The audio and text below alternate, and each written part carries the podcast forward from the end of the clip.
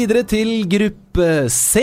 En uh, interessant gruppe. Uh, kanskje spesielt for oss nordmenn, i og med at vi finner et land hvor i hvert fall jeg har tilbrakt mye av min barndom. Peru? Australia. Sånn surfer i Australia. Hippieunge. Uh, nei, for søren, to land, to land som jeg holder veldig kjært. Uh, Danmark hvor jeg var veldig mye da jeg var liten, og Frankrike som jeg ferierte omtrent i hvert år uh, de siste nesten 20 åra. Danmark er et nydelig land å ferie altså. Ja. Det er hyggelige mennesker, gode priser, god drikke, god grillmat. Forup sommerland, Jesper Hus, Djur sommerland masse morsomt å finne på i Danmark. Og det er sånn fantastisk atmosfære der nede. Det er så avslappende. Bare ta turen over til Danmark, enten det er med båt eller fly eller hva det måtte være. Det kommer dere aldri til å angre på. Da, Denne podkasten er sponset av det danske turistråd. Vis, visitdenmark.com. Og så har vi nordmann med til VM. Åge Hareide. Det er jo eh, Jeg syns det er fantastisk stort at han for første gang skal få være med i et, eh, et, stort mesterskap. Han, det er vel noe som heter at det ikke går an å bli profet i egen by. Han har jo ikke klart å bli profet i eget land, men han har jo blitt profet i alle andre land rundt seg, for han er svær i Sverige. altså. Der snakker de veldig varmt om ja, både han og, og Høgmo, eh, men eh, spesielt Hareide. Og så starta det jo litt, eh, litt trått med, med Danmark, men etter, etter hvert så har han fått sving på sakene. Vi tar en liten faktarute om Danmark. 5,5 millioner innbyggere bor det i vårt naboland. I sør. De har vært med fire ganger tidligere. 86, 98, 02 og 2010. Det beste de har gjort, er kvartfinale i 1998, da de først knuste Nigeria i åttendelsfinalen, før de møtte Brasil. Tok ledelsen 1-0, hadde 2-2 etter timen, men tapte 3-2 etter en vidunderlig scoring av Rivaldo. Flest kamper i dagens tropp, det er William Quist nå. Det var Niklas Bentner. Han er ikke med. 78 kamper har Kvist. Mange i Danmark var skeptiske til at en nordmann skulle ta dem til VM. Optimismen steg ikke akkurat da man sto med tap for Polen borte, Montenegro hjemme og en knepen seier mot Armenia etter tre kamper, men så snudde Åge og guttene alt, og selv om det bare ble 0-0 hjemme mot Irland i den første playoff-kampen, så sørget fantastiske Christian Eriksen med sitt hat trick for 5-1-seier og herlige scener i Dublin. Hvad øh, siger de til et resultat på 5-1 til Danmark? Vi skal have vodka i Rusland. Vodka i Rusland! Tusind tak, du. Tak, Irland. Fuck jer. I taber, mand. Det virker til, at du er glad for resultatet. Øhm, jamen, jeg ser det som et, øh, et let og positivt resultat. Det har øh, højnet min, mine entusiasme og glæde ved at være i Irland. Hvad skal du nu? Øh, jeg have en solovand og skal i seng. Ej, du skal røg, jeg skal ned være med Steve, mand. Guinness! Vodka! Vodka i Russland, det får vi selvfølgelig. Ellers, i 1907 markerte en språkreform det endelige bruddet med dansk språk i Norge, da de bløte konsonantene, hør nå Jesper, B, D og G ble bytta ut med P, T og K. Danmark er verdensledende produsent av vindmøller, og de ble i 1969 det første landet som legaliserte porno. Akkurat. Så det, klisjeene, det stemmer jo. Uh, men dere har tviholdt Apropos vindmøller. Vi var på treningsleir i Danmark en gang. Og da hadde Erik Francisco Soler med seg sin eh, kjæreste. Og hun uh, satt da foran i bussen, og vi dundra ned mot Ålborg Aalborg eller Århus. Husker ikke helt hvor vi skulle være. Kjørte forbi noen vindmøller. Og da begynte hun å lure. Hvorfor har Danmark så mye vindmøller? Det blåser jo så mye her fra før. Å, herre min. Har du lurt på det samme noen gang, Erik? Nei, Nei? den uh, går videre. Ja, vi går videre. vi går videre.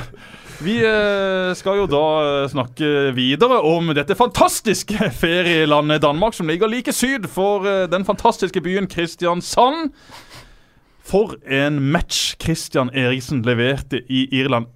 Én ting å skåre hat trick, Erik, men en annen ting er å skåre et slikt hat trick han skåra. Uh, Eriksen er faktisk undervurdert. Til å få så mye skryt, så er han faktisk under... Det er ikke mange spillere i europeisk toppfotball som leverer det han gjør. Det liksom, OK, vi tenker City blir jo fort De Braune, Silva, den gjengen der. Men, Christian Eriksen, gå inn og se. Han er altså han kommer seg ut av alle situasjoner. Du tenker at Nå har han trengt opp i et hjørne. Hva? Han bare glir unna, finner løsninger hele veien. Og så har han produksjon, da. Ikke bare de der han er et eller annet fint utpå der som er bra å se på, men det blir produksjon i forhold til mål og i forhold til assist. Så han er bare rett og slett eh, en ekstremt bra fotballspiller. Mange mente at du, hvis du skal ha Christian Eriksen som playmaker, så er ikke det godt nok til å vinne Premier League. Foreløpig har de fått rett, men det går ikke på eh, Christian Eriksen. Det er ikke han det henger på. Han er bare ekstremt bra. Altså. I forrige VM i Brasil så gjør eh, James Rodriguez helt eh, voldsomt bra mesterskap. Real Madrid velger å hente han. Nå så jeg liksom litt eh, Rykter det er jo alltid sånn på denne tiden av året, men kan Christian Eriksen, hvis han gjør som han kan på sitt beste, bli erstatteren til eh, Luka Modric i, i Real Madrid? Selvfølgelig kan Christian Eriksen spille både for eh, Real Madrid og Barcelona. og Han kan spille for alle klubber i hele verden, for han er så vanvittig god, som Erik sier. altså Den forståelsen han har, den teknikken han har med høyrefot, med venstrefot. Han er så kvikk i huet. Han kommer seg ut av alle posisjoner, han kan sette opp eh, sine medspillere i all verdens posisjoner.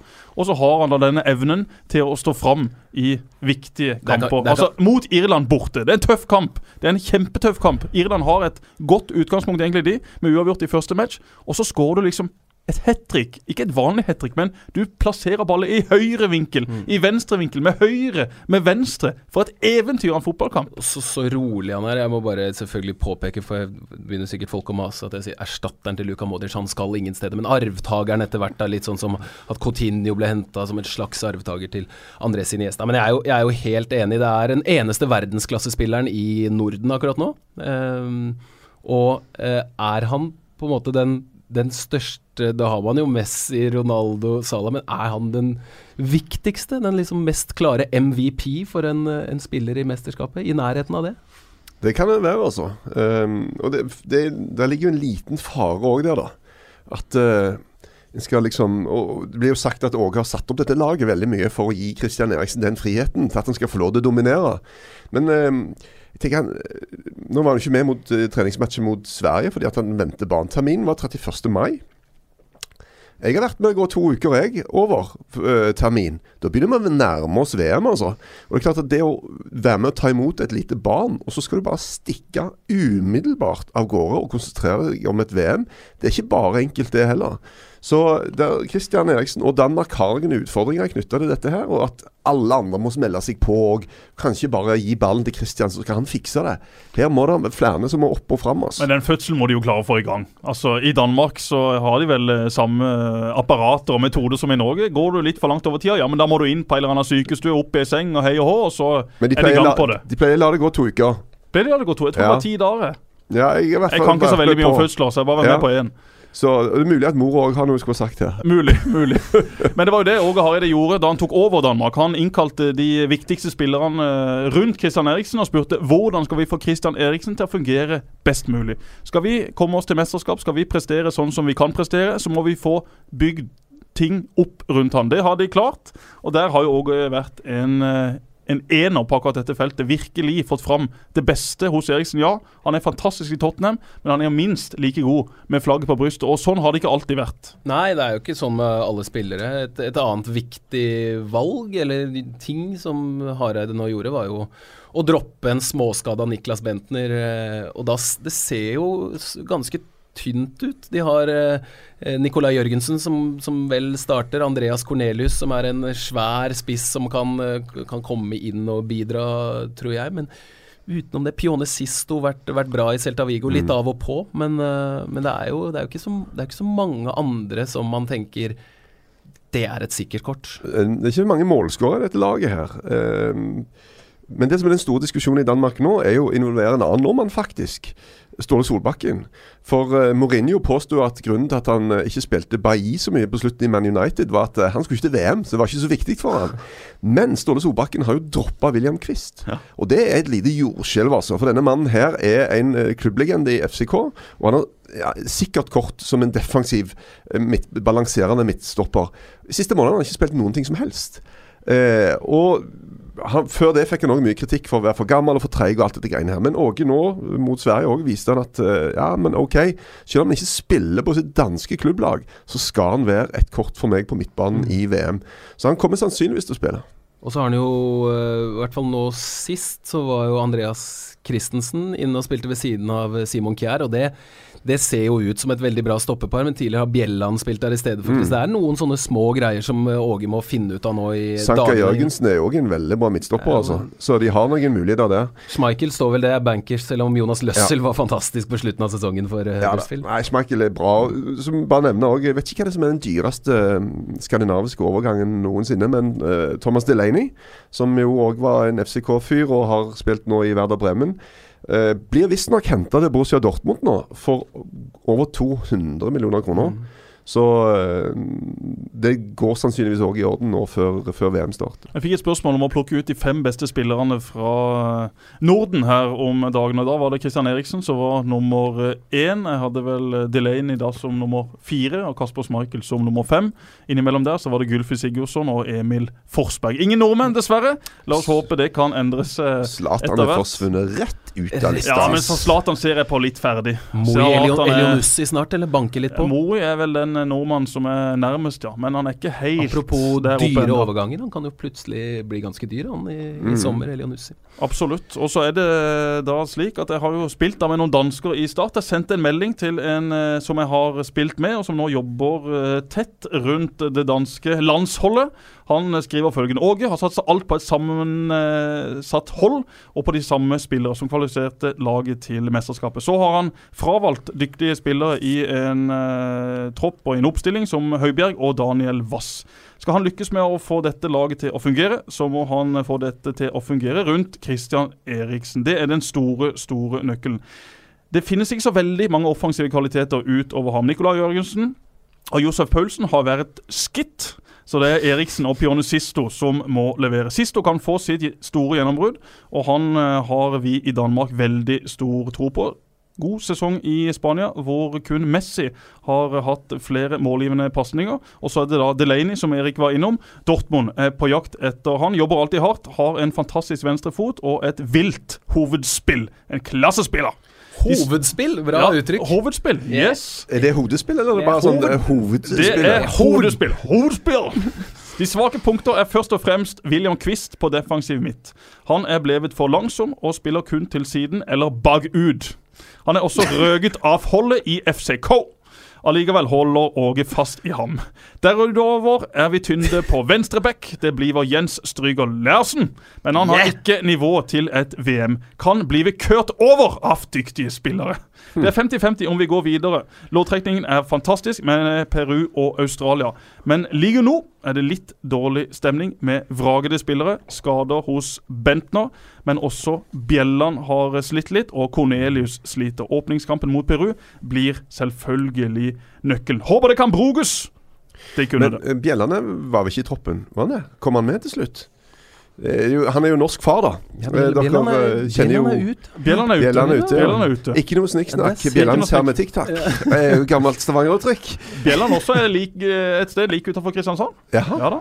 Det ligger en halvtimes kjøretur. Men har, de har jo hatt den rare situasjonen at Bjelland fra Brentford i Championship har spilt foran Christensen, Ja. som har spilt for Chelsea i, i Premier League. Så, men de, han Kjær og Bjelland har vært et godt par, da.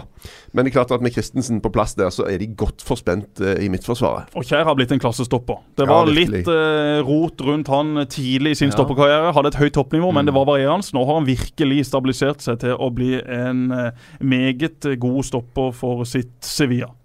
Jeg har en mann plukket ut hos eh, Danmark også. Som vi har med alle land, en vi eh, følger litt ekstra med på og holder litt ekstra kjær. Blir ikke Simon, men En ny mann som skal spille sitt første VM i en alder av 35. Michael, eller Michael Krohn Deli. De fleste trodde at Krohn Deli skulle takke for seg, rett og slett. Legge opp da han for to år siden fikk kneskålen ut av ledd. Det så rett og slett helt jævlig ut. Hans daværende klubb, Sevilla, meldte at han ville være ute i åtte måneder, men dansken, som nå har øh, over 150 kamper i verdens beste liga den tiden han har vært der, fighta seg tilbake og er blant Åges 23 starter. Antagelig ikke Kron Deli, men det har også vært eh, Apropos den lista di med, med fem, kanskje sånn eh, Ja, ti ja, ja, ja. spillere de, de, de siste fem-seks årene, så vil jeg gjerne ha en eh, Jeg starta jo i treningskampen mot eh, Sverige i da Eriksens posisjon. Så mm. hvis det skulle gå fullstendig galt med Eriksen og få en skade osv., så, videre, så har de iallfall en fleksibel kar der som har uh, spilt i gode klubber, som du sier. Og dette var en mann som spilte nesten alle kvalikmatchene før VM i 2010. Og så røyk han ut i siste liten, og det er sykt surt, da. Når det har vært med å bringe laget til VM, så får du ikke være med. Og Derfor var det jo deilig at han eh, Det ble litt sånn omvendt denne gang, da. At han eh, kom inn som en litt sånn dark horse etter at mange hadde avskrevet hans fotballkarriere nesten totalt sett. Var det noen sånne spillere da dere reiste til VM i 94 som hadde spilt mye kvaliken, som ikke kom med? Frank Strandli var det kanskje i 98? det? Han var kanskje ikke eh, på jobb før det mesterskapet? Nei, han var vel ikke det. Men Dan Eggen kom jo inn som den der som ingen hadde hørt om. Nei. Altså, Dan Eggen i 94? Det var ingen som visste hvem det var engang. Og det, Noen managere syns jo det er stas å komme opp med noen sånne som Måtte ha et Oslo-alibi. Ja. Peru, skal vi ta dem, eller? Ja, vi må Ja. vel videre. Vi har vel snakka oss gjennom et uh, dansk lag som vi i Norge kommer til å følge ekstra godt uh, med på. Jeg skal reise til Russland med deres charterfly for å følge oppkjøringa deres mot uh, denne Peru-kampen, som da spilles som deres første kamp. Spilles vel på lørdag. 15. juni, altså dagen etter dette heidundrende oppgjøret mellom Russland og Saudi-Arabia. Simen, hva har du til oss om Peru? 32 millioner innbyggere. Dette er deres femte VM, men ingen i dagens tropp var født forrige gang de var med tilbake i 1982. De har gått videre fra gruppa to av fire ganger tidligere, men så har det vært stopp med en gang etter det. Flest kamper i dagens tropp. Kaptein og Wonderboy, som vi skal komme litt tilbake til senere, Paulo Guerrero, nærmer seg 90 kamper. Kvalifisering, litt flaks må man ofte ha, og Peru hadde nok av det da de etter å ha tapt 2-0 ble tildelt en 3-0-seier over Bolivia fordi motstanderen hadde brukt en spiller fra Paraguay.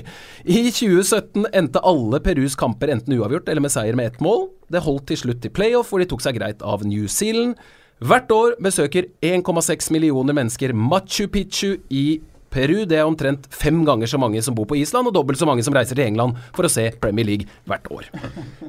Og det, det der kvaliken, det der litt flaks skal du ha, må du liksom bare, bare For at Litt flaks. Nelson Cabrera hadde spilt én vennskapskamp for Paraguay.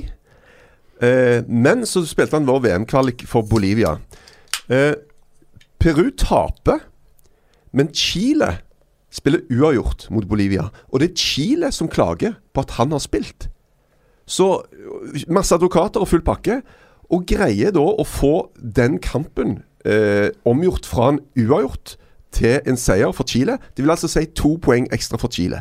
Men i samme slengen så blir jo kampen til Peru òg omgjort. Og de tapte, så de får tre poeng Ja. istedenfor to. Eh, eh, Istedenfor eh, de to som Chile får. Hadde ikke Chile klagt, så hadde de vært i playoff. Altså, eh, ganske absurd greie. Altså Det snus helt rundt, og Peru er i grunnen bare med på lasset. Og går til VM til slutt pga. at Chile klager på han her eh, spilleren. Um, og på, til og med på slutten, i siste match mot Colombia, var det vel, så var det mye snakk om avtalt spill.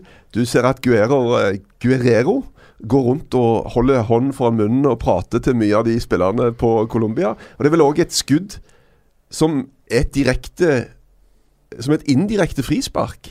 Som går inn. Det er et direkte frispark som Ospina er borti. Ja, før det, ballen stemmer. går inn. Mm, yep. Altså Det var så mange greier da oppi denne gryta for at Peru faktisk er der de er i dag. da Men med det sagt så er det et kult lag som jeg vel, faktisk veldig god tro på. Og, og, og litt, eh, Vi snakka om eh, Danmark tidligere, hvordan de eh, helt tilfeldig kom med i EM i 1992, gikk hen og vant hele greia. Jeg har sett noen jeg, jeg så noen av de siste kampene til Peru. Det er jo sånn uh, man setter på uh, seint på natta, og det går så fort. Og det er så det, det er litt sånn som å se på NHL på natta. Det går så fort, og det er så mye lys, og det er så mye At man bare sovner til slutt. Da, for bare hjernen bare kobler ut. Bare, dette her blir for mye, så blir man så trøtt at så jeg, Veldig sjelden at jeg får sett hele en hel uh, søramerikansk kvalifiseringskamp. Sånn var det med Perus kamper. Det går så fort framover. Gjennom kvaliken så var den lengste pasningsrekka de hadde før de skåra, på seks. chuk, chuk, chuk, chuk, Det Altså, går så det fort. går så fort framover når de vinner den ballen. De spiller hurtig, de står høyt i banen når de kan, og da vinner de også ofte ballen i gunstige posisjoner, som gjør at de da ikke trenger så mange pasninger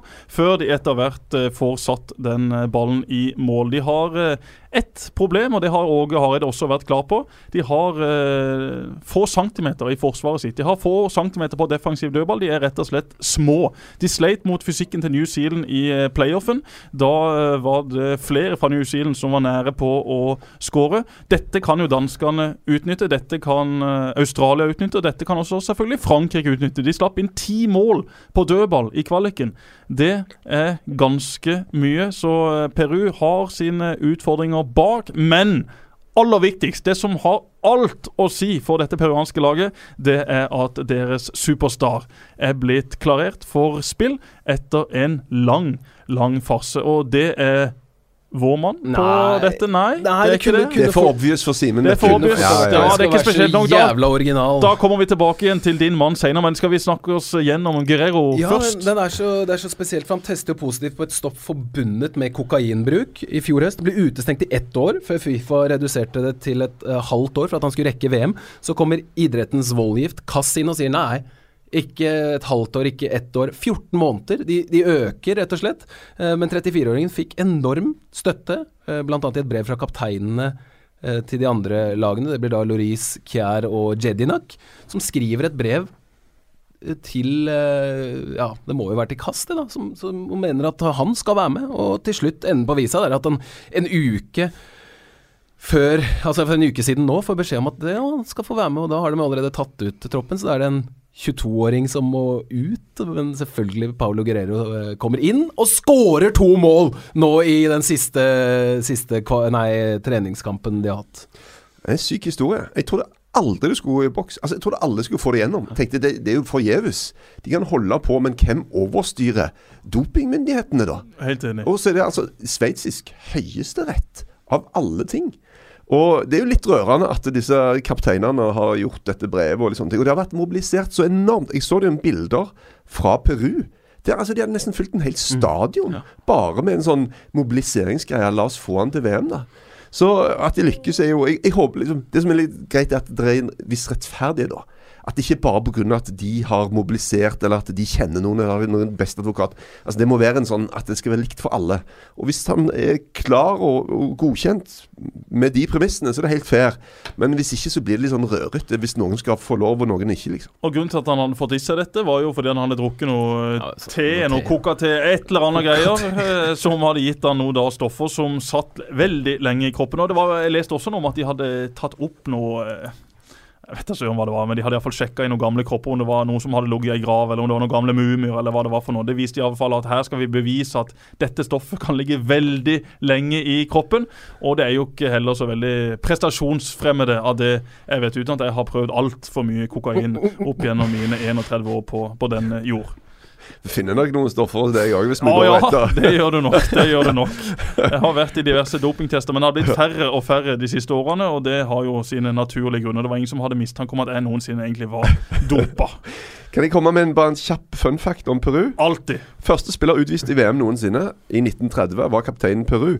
Og så i samme kamp, Peru-Romania, det laveste tilskuertall registrert i noe VM ever.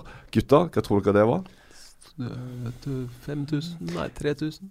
300. Oh, ja. 300 mennesker til stede på VM-match. Det er interessant. Ja, Men eh, altså, så skal bare ta det. Vi sa at Peru spilte veldig kjapt. Eh, Brede Paulsen Hangeland, vår kjære kollega, han satt og forberedte seg på Island-Norge her for et par dager siden på flyet. og Da så han gjennom Island-Peru. Og Da var han egentlig litt overraska over at de hadde vært så direkte i kvaliken. For akkurat i den kampen så var de mye mer omstendelige. Mye mer fokus på possession osv. Det gikk ikke så fort framover. Kanskje var dette bare noe de øvde på. Kanskje det var dette bare noe de skulle forberede seg på til dette mesterskapet. Jeg tror vi får se et Peru, som vi så i kvaliken, der det går full fart framover. FFF opp mot uh, Guerrero, som nå er blitt klarert. Og det er en spiss. Han kan skåre med høyre, med venstre, i lufta. Han er Har fysikk, Han er har fart. Han har det aller, Mm. aller meste. Så det er bare å uh, få satt han inn på uh, diverse uh, fantasy-lag for de som har uh, interesse av det. Det kan bli noen mål på uh, Peru i denne gruppa. Nydelige drakter. Nydelige drakt. Kanskje vi er fineste. Ja. Ja, det synes jeg. Men jeg så en sånn eh, dress til Nigeria. Den var en helt egen klasse. Ja. En sånn dress de skulle reise rundt i. En, ok, en dress, ikke drakten du tenker Nei, på. sånn joggedressaktig. Jeg spurte okay. Nike, Det var egentlig utsolgt. Jeg spurte Nike om vi kunne få et eksemplar, slik at du, Erik, kunne sitte i den når Nigeria skal ut og spille kamper. Jaha. De hadde passa det. Har de respondert? De hadde kledd det. Ja, jeg jobber med saken. Jeg jobber med saken. Jeg syns det faktisk var litt kul, den Nigeria. Det var fantastisk. Ja, men det er Peru, da, med denne Det er et eller annet sånn diplomatisk Eller litt sånn Det ser ut som en sånn Missekåring? Ja, missekåring, ja. Men det er en eller annen Jeg husker jo Peru når de eh, var vel i 78 når de spilte mot Skottland, og Skottland var så tøff i trynet. Og eh, de bare Peru høvla de, altså. 4-1. Og alltid vært svak for det laget. Glad for å se det tilbake i VM. Min Nei, vår mann! Ja, Rett skal vår være mann. rett. Vår mann. Vår mann. Vår alles mann. Ja, Hvem ja, er det, men Simen? Du, du vet veldig godt hvem det er. Faktisk. Og det er ikke Guerrero. Dette er en spiller som har 56 kamper i eh, Champions League. Jefferson Farfan. Jeg og du så mye på han eh, på Eurogoals for 10-12 år siden. Selvsagt. Fantastiske Eurogoals uh, enn vi har gjort de siste årene. Jeg trodde helt ærlig talt, før jeg så han uh, mer nå da i den kvaliken, så trodde jeg at han i hvert fall trappa ned, om ikke lagt opp. Eh, så herja han plutselig noen kvalikkamper. Eh, 15 år etter at han debuterte for landslaget, skal Jefferson Farfan spille VM for første gang. Og han spiller nå, ikke på hjemmebane, men han er jo basert i Moskva. Spiller for Lokomotiv Moskva, som vant den russiske ligaen. Så han er i sitt naturlige habitat og er fortsatt going strong. Jefferson Farfan med nummer ti på ryggen. Så det er ikke bare Guerrero, det er Farfan nå. Fafana Guerrero. Det er det Peru har å by på framover. Og så er de som sagt eh, litt kortvokste bak. Ikke så eh, korte som eh, Men det har de jobba med nå de siste månedene, altså. Ja, de har det. De har prøvd å presse ut noen centimeter til. det var jo sirkus Hva slags te må man drikke da? Det var jo et sirkus på Sørlandet for eh, en hel haug av år siden, jeg mener det var på 80-tallet, som da ble anmeldt i avisa. Og han som anmeldte dette sirkuset var ikke veldig imponert, fordi han mente at eh, selv dvergene var for store. Ja. Det det er skammelig, skammelig store, rett og slett. Ja, skammelig store. Vi må videre, Simen. Vi skal uh, ta turen down under, skal vi det? Det skal vi. Australia, 25 millioner innbyggere. Som åtte andre lag i dette VM er de med for femte gang. Én gang har de gått videre fra gruppa i 2006. Da hadde de en gyllen generasjon til det må være, og røyk ut i åttendelsfinalen med 1-0 etter en veldig strengt idømt straffe mot mesterne Italia. Flest kamper i dagens tropp Tim Cahill. Eneste med over 100 kamper. 105. Det ble til slutt en av de mest dramatiske fightene om en plass i dette VM. Australia møtte Syria, trengte ekstraomganger for å avgjøre. Dette er da etter at de har kommet til eh, playoff, og da må de gjennom flere playoff, fordi de, eh, de slår Syria. Og da møter de Honduras. 0-0 borte. Hjemme vant Australia 3-1 etter hat trick. Ikke av Cale, men av mannen med det beste skjegget i engelsk fotball. Det beste skjegget i VM. Aston Villas Mile Jedinak. Ellers så har Australia den dag i dag tidenes største seier i en offisiell landskamp. I 2001 vant de mot amerikansk Samoa 17? 31-0. Det er ett mål hvert tredje minutt. En kar som heter Archie Thompson, som jeg aldri har hørt om, skåra 13 mål den aprildagen for 17 år siden. Og motstanderkeeperen var sitt lags beste. Hvis, uten han kunne det blitt ille, altså. Han fikk seks på børs. Ja, ja. Gamle gutter Kale og Jedinak de var sentrale i uh, kvaliken da Australia tok seg til dette mesterskapet. Kanskje er de for uh, gamle, for slitne til å bidra slik Australia vil. Kale iallfall er jo ikke i en sannsynlig start-opp-stilling. Aaron Moy, stjernespilleren fra Huddersfield, det sier kanskje litt om Australia når han er deres store håp, Erik. Han er bra. Han har jeg alltid likt. Men uh, han ble jo kasta Satt litt ut på slutten av han som var den forrige manager, da. Han som faktisk tok i til VM. Posti Posti Koglu Posti Koglu Som, had, som spilte fotball på en uh, måte som uh, Som var liksom, litt, skulle være litt estetisk, da. Han, det var liksom klare fotballprinsipper. Og overraskende nok så trakk jo han seg. Um, og så tok de inn uh, Marvik. eh, Som jo er en helt annen type, og ble mye kritisert den ansettelsen, da. Men noe må de gjøre. Og det er i hvert fall en fyr som, som kan gamet, da. Som har vært i VM før, og som, som kan gjør dette laget mye bedre enn vi så på Ullevål. Nå slo de vel Slovakia? Jeg slo Tsjekkia, og det, Tjekkia, det var den- 4-0. Ja, det løy litt, det resultatet. Jeg bare så Ja. highlights, jeg. Der var det like mange sjanser begge veier. Men det Ja. bra. Og van Marwijk var jo mannen som tok Nederland til VM-finale i, Ja. i 2010. Pussig nok så eh, fikk jo han kritikk da fordi de ikke spilte nederlandsk Ja, fotball. sant. De spilte jo ikke fin fotball. Nei, og på den måten så spiller de heller ikke sånn som Australia nå har på en måte vært vant med å spille de siste. Men OK, øh, han har muligens en litt mer kynisk approach, men det kreves kanskje av og til. da Ja, det er den skolen i Nederland eh, som folk ikke liker. Det Mm. blir litt for kynisk, og han har jo ikke hatt veldig god tid, for han kom inn i siste sving og tok over dette Australia-laget. Eh, Etter å ha tatt Saudi-Arabia til VM. yes. Og han er bare caretaker, han skal gi seg etter VM. Han skal gi seg til VM, så han er bare inne for å gjøre en jobb. Har jo fått samla den australske troppen, Socceroos, ganske tidlig, da, for å få i alle fall en mulighet til å påvirke dette så godt som mulig. De eh, slo Tsjekkia. Da var det Lekki som uh, skåra to. Han er en eh, spiller som har bra med fart. Ekkel spiller å forsvare seg mot. Hertha, er det det? Ja, det er kanskje det.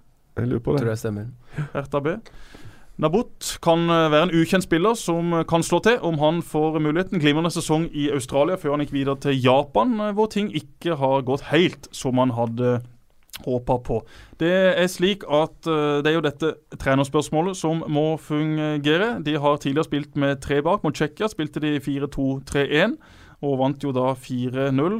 Gruppa den er blytung, den er tøff. Og de må jo rett og slett eh, få slått dette peruanske laget. Og så får de se da om de kan få snubla seg til et resultat mot enten Danmark eller Frankrike. En, eh, sorry, en sannsynlig elver for dette australske laget, det er Ryan i mål. Det er da godeste Riston på høyrebekk, Milligan eller German som den ene stopperen, Sainsbury som den andre. Et navn som ikke helt vet hvordan jeg skal uttale. Beach.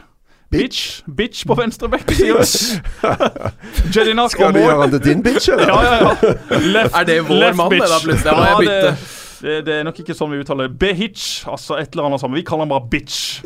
Moi og Jedinak på de to uh, dype på midten, hvor Moi da selvfølgelig skal få lov å spasere fram når han vil. Kruse på venstre. Lekki på høyre, og så hadde du da eh, Rogic fra Celtic. Mm. Kristoffer Mm. Vassbakks Ayers Ja. lagkamerat. Jeg så han i en del kamper denne sesongen. Var ikke veldig imponert over det han leverte. Satt en del på benken også. Skåra godt med mål etter hvert, men ser litt tung ut i stedet. Og så er det da på topp. Kanskje blir det Cahill, eller så blir det Nabo. Så eh, Jeg tror Cale er ment som en sånn hiva innpå-fyr. Ja. Jeg tviler på om han kommer til å starte i hvert fall første match. Men uh, jeg, jeg, jeg nekter å tro at de, ta, de taper ikke alle kampene. Altså Australia er De henter seg opp til et eller annet med den der eh, òg. Det er det landet som er ganske forfriskende, altså. De bare klinker til, altså. Og uh, har havna i tøff gruppe, men uh, de skal bli vanskelig å slå. De, Ja. går, de går ikke videre, men de taper ikke tre kamper. Altså. De har så mange Altså de har så merkelige resultater da når de har 4-1-tap mot Norge, og så 4-0, og innimellom der 0-0 mot Colombia. Må være vanskelig å analysere. Vanskelig å vite Ja. hvordan de skal angripe. Men som sagt, det var eh, flatterende altså at det ble 4-0 til slutt mot uh, Tsjekkia. Men vi, jeg trenger ikke å være original for å fortelle hvem som er eh, vår mann. så glemte jeg bare én som også skal spille på topp. Tommy Juric, Ja, som da er fra Luzern. Eh, Fem mål i 14 kvalikkamper. Så litt uh, usikkert hvordan de kommer til å spille helt der framme.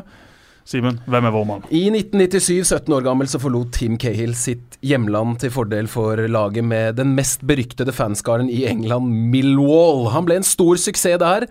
Kledde klubben godt. En tøff unggutt. Skjøt dem bl.a. i FA-cupfinale før han dro til Everton og ble en kulthelt. 32 år gammel forlot han England, og siden har han vært i New York, Shanghai og Melbourne, før han i vinter var tilbake i Millwall 21 år etter at han kom dit første gang. Han har ikke starta en eneste kamp denne sesongen i England, kommet inn ti ganger og fått fem gule kort. Ai, ai, ai. Men vi elsker fortsatt Tim Cale. Vi elsker Tim Cale. Strålende eh, hodespiller. Ja. Han er jo ikke svære karen, men kjempespent. Super timing og Så Men eh, Og det er litt sånn ja, Det er på en måte litt sånn romantisk, egentlig, at han er med. Det er litt kult at vi har noen sånne, men eh, jeg tviler på om han er i stand til å sette preg på et VM. Altså. Skåra et vidunderlig mål. Hvem var det mot eh, i forrige VM? Var det mot Chile da, tror jeg? Sinnssyk volley. Ja. Jeg husker er ikke sånn hvem du var mot, men jeg husker at han skåra Ballen lander på foten hans, og det kan skje. Det kan skje. Da må vi eh, videre, Simen, til det siste laget i eh, denne gruppa her. Og det er gruppas store favoritt. Også en av de store favorittene til å ta med seg gullet hjem. Frankrike 67 millioner innbyggere, nest flest i Europa, etter Russland. Fem ganger har de ikke vært med, 1990 og 94 bl.a. annet, mestere på hjemmebane i 1998, finaletapp i 2006, ut i kvarten i 2014. Flest kamper i dagens klopp, tropp, det er eh, Hugo Joris, 97 kamper. Det starta veldig bra da man sto med ti poeng på de første fire kvalikkampene, men på sensommeren 2018 begynte tvilen å snike seg inn da det ble tap mot Sverige, og sjokkerende nok 0-0 hjemme mot Luxembourg. Le Bleu haltet seg likevel til en direkte kvalifisering etter ettmålseiere over Bulgaria og Hviterussland i de to siste kampene. Hvis man tar bort alle i den franske troppen med innvandrerbakgrunn, altså én eller to utenlandske foreldre, så sitter man igjen med tre spillere. Olivier Giroud, Florian Tauvin og Benjamin Pavard.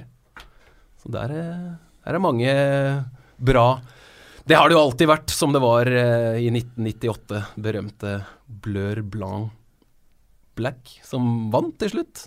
Som ma- mange trodde skulle bli liksom et symbol på nye Frankrike. Her er innvandrergutta og eh, de etniske franskmennene som går sammen og får til en ting, men så har det jo faktisk eh, ikke vært noe annet enn en stor sportslig eh, triumf, da. Men eh, spesielt at det er så mange med innvandrerbakgrunn. Absolutt. Erik, for et fotballag. Altså, hvis du ser, går gjennom spillerne, så er disse gode nok til å vinne VM. Men det er et eller annet med greiene her som jeg er bare sånn Litt usikker altså, på om alle disse delene til sammen blir et godt nok lag. Nå var de jo i finalen og tapte utrolig nok på hjemmebane for to år siden i EM. Men jeg husker den kampen mot Tyskland. da at Tyskland bare var utrolig mye bedre enn Frankrike. Altså de, Det var klasseforskjell. Og så blir det jo en uh, hens fra uh, eh, midtbanespillerne som gikk fra Bayern München til Man United, var det ikke det? Um, Bastian. Schweinsteiger? Ja, Nei, var det ikke det? Jo, jeg tror det var han som hendte hensa et det eller annet. det. Jo, det er helt riktig. Stemmer. Så, og så, så fikk de en straffe, og så på en måte Men den sitter litt i hos meg, da. Og det er klart at ting utvikler seg hele veien, og folk er gjerne bedre, og kanskje Deschamps har fått gjort enda mer med laget, men eh, veldig bra fotballag som jeg ikke tror når helt fram. Altså. Simen, hva tror du? Ja, det, det, altså jeg, det er jo det laget jeg holder med i VM mest. Eh, Det er bare fordi jeg Ja, jeg har et uh, veldig Du er glad i Frankrike, du. Ja, veldig, veldig du har feriert der mye. Apropos Ja. ferier. Mm. Danmark er et fint ferieland. Det er også Mm. Frankrike. Ja, nei, men vi har, eller foreldrene mine har hatt et sted i Frankrike. Et slott, Le- Et slott, Ja. ja. Versailles, tror jeg det Og heter. vinranker og ja. Nei, uh, lite sted igjen, eller landsby ut, ut på ja, bondelandet i sør, sør i, i Frankrike. Men der har jeg vært hver sommer nå veldig lenge. Det er, øh, det er mitt andre hjem. Så, og jeg har vært glad i Frankrike. Dessverre så ble det sånn at i 1998 så holdt jeg med Eh, Norge selvfølgelig først, og så Nigeria. Eh, for da hadde jeg en, eh, en kompis som var nigerianer, Marco Tagbayumi, som spiller for eh, Lillestrøm nå vel. Han fikk meg til å holde med Nigeria. Så da var jeg veldig lei meg da de røk ut. Så klarte jeg liksom ikke å glede meg over at da hadde ikke fått den tilknytninga til, eh, til Frankrike. Men nå har jeg jo det, og det har jo vært så mange nedturer. 2002 ryker de. Eh, Senegal taper mot Senegal. 2004 går det ikke bra nok. Der vinner jo Hellas EM. 2006 taper finalen med det Zidane-greiene. Det var veldig leit, den så jeg i Frankrike. Så kommer 2010, Sør-Afrika streik og bare drittunger og dårlig stemning. Eh, 2012, det funka ikke det heller. 2016 kommer til den finalen og taper mot Portugal uten Cristiano Ronaldo. Så jeg sånn Jeg har alltid trua før eh, det starter. Og så går det alltid gærent på en eller annen måte. Så og i den finalen i 16 jeg så, så choker de, rett og slett. Ja, denne Altså, gangen så de- har jeg ikke skikkelig- ikke- De tålte ikke presset. Portugal uten Ronaldo et ja, Mm. et ikke kjempegodt portugisisk lag. eh, Pogba, Grismann altså, De hadde alle gutta på jobb, men det var liksom Ja, det var et eh, stolpeskudd og det var en stor sjanse, men det var aldri noe skikkelig stort trøkk. De ble rett og slett grepet av den finalen. Kanskje har de nå fått den erfaringa de trenger for å kunne gå hele veien, men jeg er enig med Erik. Det mangler det mangler et eller annet i dette laget. Det mangler litt erfaring, det mangler litt typer, det mangler litt ledere. Koscielny skada. Han var jo den som kanskje kunne vært lederen i de bakre rekkene. Har de Varan og Umtiti som ja, Det er bedre spillere. god jul. Det er fantastisk gode fotballspillere. Og uh, du så sist Varan i Champions League-finalen, hvor viktig han var det første kvarteret. Liverpool de uh, skapte sjanser, de skapte angrep, men Varan var der med farta si, han var der med tåa si. Han er alltid så rask som han trenger å være. Jeg liker jo det nå, for nå begynner vi å prøve starter vi litt med at jeg har, jeg har ikke trua Jeg har ikke trua fra mitt supporterståsted, for jeg har virkelig liksom Jeg holder med Frankrike, liksom. Men, men så jo mer jeg ser på det, jo mer trua får jeg faktisk, i og med at det er en ganske stor forskjell fra EM. Følgende spillere var ikke med. Varan, Dembélé, Fikir, ikke 100 sikker på at han starter, men er en veldig veldig god spiller. Og ikke minst Mbappé, som bare er i fyr og flamme for tiden. Eh, fantastisk fotballspiller. Kanté var litt inn og ut av laget, starta ikke finalen. Samuel Umtiti eh, slo egentlig gjennom litt i det mesterskapet, men har jo siden det blitt helt topp eh, verdensklasse i, i Barcelona. Så jeg tenker at det er all mulig grunn til å tro på en eh, semifinale, i hvert fall. Og derfra kan jo alt skje. Og Pogba, hans sesong Erik, i eh, Manchester United det har vært så der. Og Den er vel litt sånn som det er av og til for Frankrike òg, da. Det er litt sånn enten-eller. Uh, vanskelig å finne ut av hans beste rolle i et lag, da. Uh, og, Hvor mange gode spillere skal man ha rundt han for at han skal kunne Ja. skinne? Ja, og han er jo på mange måter et uh, Jeg tror han er en viktig spiller for dette laget her. Altså, jeg tror sånn i, Sosialt i miljøet, og jeg tror han er en sånn fyr som uh, og utenfor banen, som er viktig når du skal ligge samla så sykt lenge. da. Altså Det er litt sånn undervurdert greie. Hvordan fungerer disse folkene sammen som mennesker? Um, eh, men um, og, og det skal jo Deschamps ha, at han har gjort en kjempejobb i forhold til den biten. da. I forhold til det som skjedde, det som du nevnte i 2010 og alt det der røret som var. Så er det jo en helt annen stemning. Um, men um, jeg tror mange fotball fotballhjerter hadde blitt glade hvis disse vant. da For at det er så mange bra folk her. Så mye bra Grismann har vi ikke nevnt omtrent. Som er jo bare helt ellevilt. Og masse bra offensive folk. Og så har du jo, hvis du går inn og sier ja, men hva med det defensive? Ja, men gå inn og se, da. Det er bra, gode defensive folk. Altså Midtbanen er jo kjempebra med Kanté, balanserende folk. Gode midtstoppere. Men Mendy er jo plutselig eh, her igjen.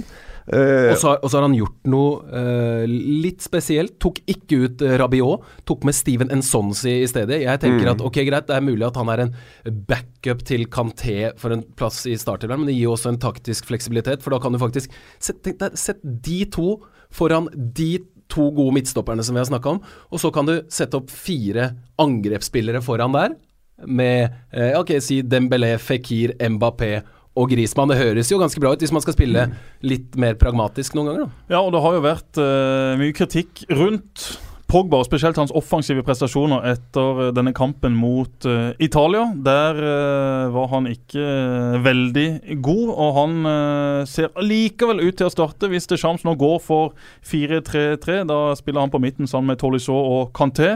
Tolisso som har vært veldig imponerende før dette mesterskapet skal sparkes i gang. Og så er det altså Dembélé, Mbappé, Grismann der framme.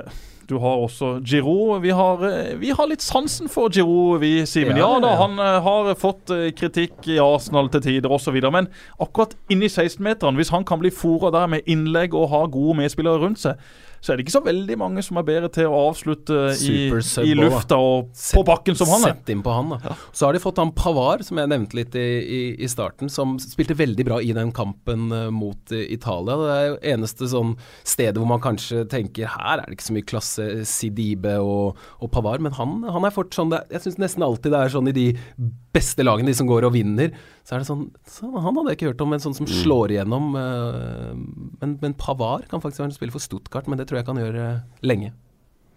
Hva er det som eh, er svakhetene da i dette laget, bortsett fra at de mangler eh, litt erfaring Ja, og Det er jo kanskje det, da. Altså, og jeg tenker at de har jo ikke, de har jo ikke vært der før og det er, jo, det, er jo, de, det er jo mange her som er vant til å vinne ting med klubblag, men ikke med, med landslag. Da. Varan han samler jo på Champions League-pokaler. Umtiti har kommet inn og vinner mye. Mendy ja, han spilte jo ikke så mye, men, men han er jo en, eh, en seriemester ganger to nå, med, både med Monaco og, og Manchester City. Kanté leverte veldig bra på seriemester sosiale medier grossist. denne sesongen. Det gjør han jo. Men de er en uh, god kar, virker det som. Ja, Morsom å følge. det er vanskelig å finne sånne klare svakheter. Altså. Jeg må innrømme det. Men, men eh, sesongen til Hugo Laurice fått mye pepper. Ja, Han har vært klart dårligere denne sesongen enn han var forrige sesong. Eh, han hadde jo òg denne greia når de tapte VM-kvaliken mot Sverige eh, i siste minutt der. Eh, men han spiller, uh, så han Det er bankers uansett. Men, Mhm.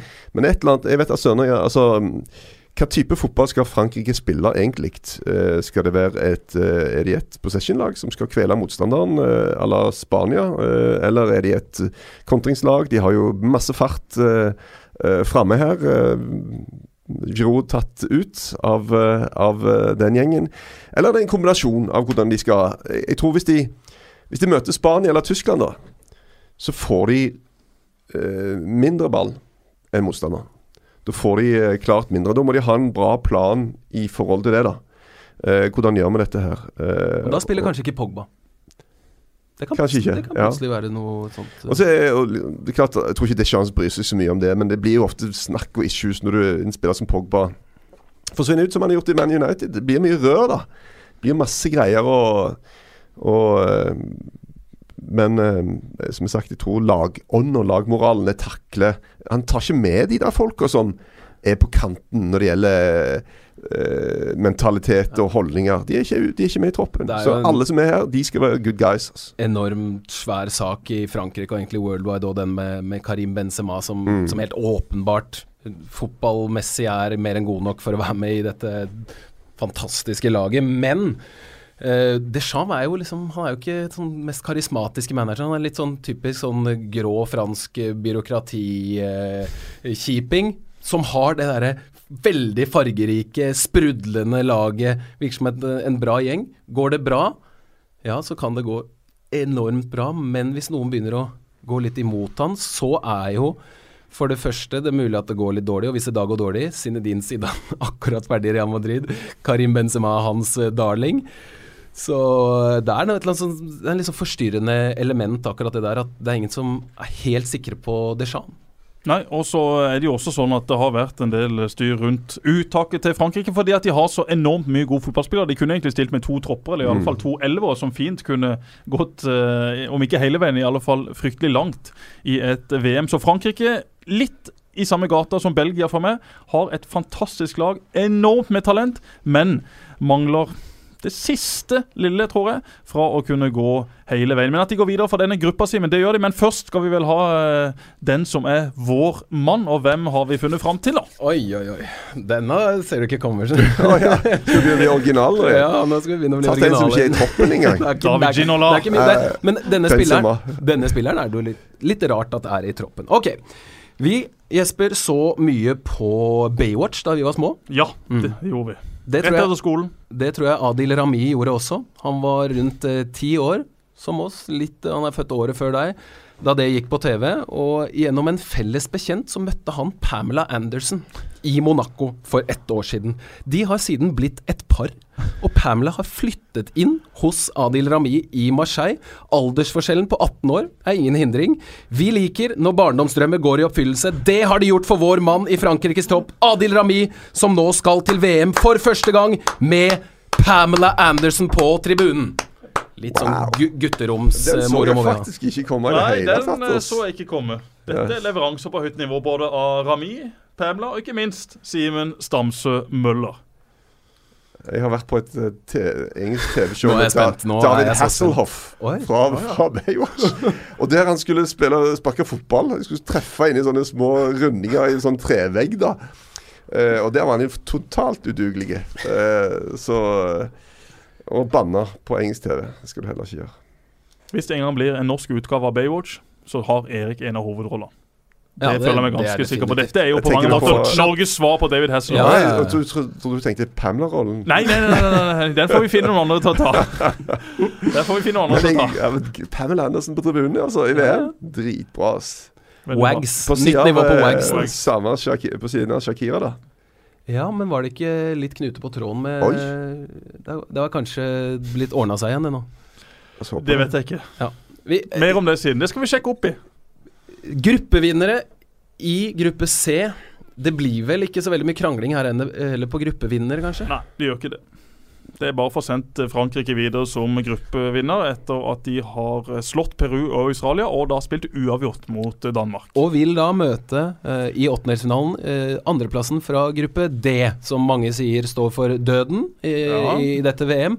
Der er Argentina, Nigeria Island og Kroatia. Riktig. Så eh, best Altså, det kan jo gå ra rare veier, men antagelig Kroatia eller Argentina mot ja. Frankrike i, allerede i åttendels. Spennende. Hvem skal gå videre med de, Erik? Skal vi sende Åge videre? Ja, vi skal vel det. Jeg f- går faktisk for Peru. Du går for Peru? Ja, jeg tror jeg jeg tror- er tror det er med, litt- med på den Ok, da sender Peru videre. Altså, Det er jo demokratiet som bestemmer det. Jeg har troa på Danmark, men eh, jeg må jo gi etter for uh, disse to, hvis ikke snart jeg kan få inn noen andre. Stefan Strandberg eller noen, kan dere komme opp i studio? Vi må eh, ta med oss eh, Peru videre, da. Exit for eh, Åge, exit for eh, Danmark. Eh, Og så tenk deg, da kan det da, ikke moro. da, da, da kan de møte, altså Peru hvis de kommer på andreplass, møte D1, som fort blir Argentina. Argentina-Peru.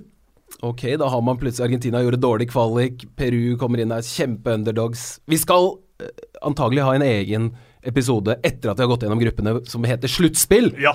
Sluttspill og lytterspørsmål, Twitter-spørsmål, alt sånn. Ja. Men det tar vi eh, når vi er ferdige her. Men dette er jo altså, Tenk på marginene her, da. Ett skudd som tar borti ræva på en fyr og triller inn mot Statiana der keeperen ligger. Altså det er så Vi kan sitte og vurdere og sakne Og så blir det gjerne en ufortjent seier til noen. da. Og et rødt kort, en Så et rødt kort, et eller annet. Skal du vinne VM, så må du regne med å vinne en straffekonk. Altså, vi er på det nivået. Sånn er det bare. Ja, ja. Skal du vinne VM, så må du ha flaks. Ja. Det er ingen lag her som er så gode at de kan si at uh, vi trenger ikke flaks, for vi er så gode uansett. Jo, alle lag som uh, kommer til å være med helt mot slutten, trenger flaks for å vinne. Det gjør også Peru hvis de skal klare å slutte dette danske laget. De trenger enorme mengder flaks. Jeg håper ikke det skjer. Danskene de skal videre, men i vår kjære VM-podkast så ryker altså Danmark rett ut. Og da spørs det hvordan det går med Åges eh, jobb i årene som eh, kommer. Tusen takk for at du var med oss, eh, Erik. Det har vært helt nydelig. Tida går fort. Tida går fort. Send inn spørsmål på Twitter. Bruk hashtag 2VM. 2VM, så skal vi få svar på alt det dere lurer på. Ja, kanskje noen gode svar, kanskje et par dårlige. Sannsynligvis mest det siste, i alle fall fra, fra meg. Men send inn spørsmål, da vel, så skal vi svare på det i løpet av disse episodene. Gruppe D kommer jo da naturligvis etter det. Mer om det siden. Dødens gruppe. Kom igjen, Island! Afram Island! Erik, utrolig hyggelig å ha deg med. Hils Hesselhoff hvis du treffer han. Det skal jeg faktisk gjøre. Så eh, det er faktisk en fyr her i Oslo, en eh, litt sånn kjent partyfikser-dude, som har tatovert et bilde av David Hasselhoff på hele ryggen sin. Yes. Og så står det 'Don't hassle the Hoff'. Og dattera mi, kjenner han her fyren, så hun sendte et bilde av ryggen hans til meg på telefonen, som jeg viste til David Hasselhoff. Akkurat. Og denne mannen er jo en kjent homofob, eh, faktisk, som ikke er en bra greie i det hele tatt. Så han ble sånn Aah! Han syntes det var ekkelt, da, at det gikk en fyr i Norge med David Hasselhoff på hele ryggen sin. Så det var han. eh, Nei. Nå føler Erik begynner å bli varm her. Nå, Ja. nå kommer det mye gode historier, så det er egentlig litt synd å avslutte. Men vi får ta det i en annen form for podkast. Ja, Vi får glede oss til Pamela så lenge. Vi skal, vi skal jo antagelig holde på under mesterskapet, òg. vi skal holde på under mesterskapet. Kanskje Erik er tilbake med mer Baywatch-moro. Heng med, takk for følget. Bli med videre til gruppe D.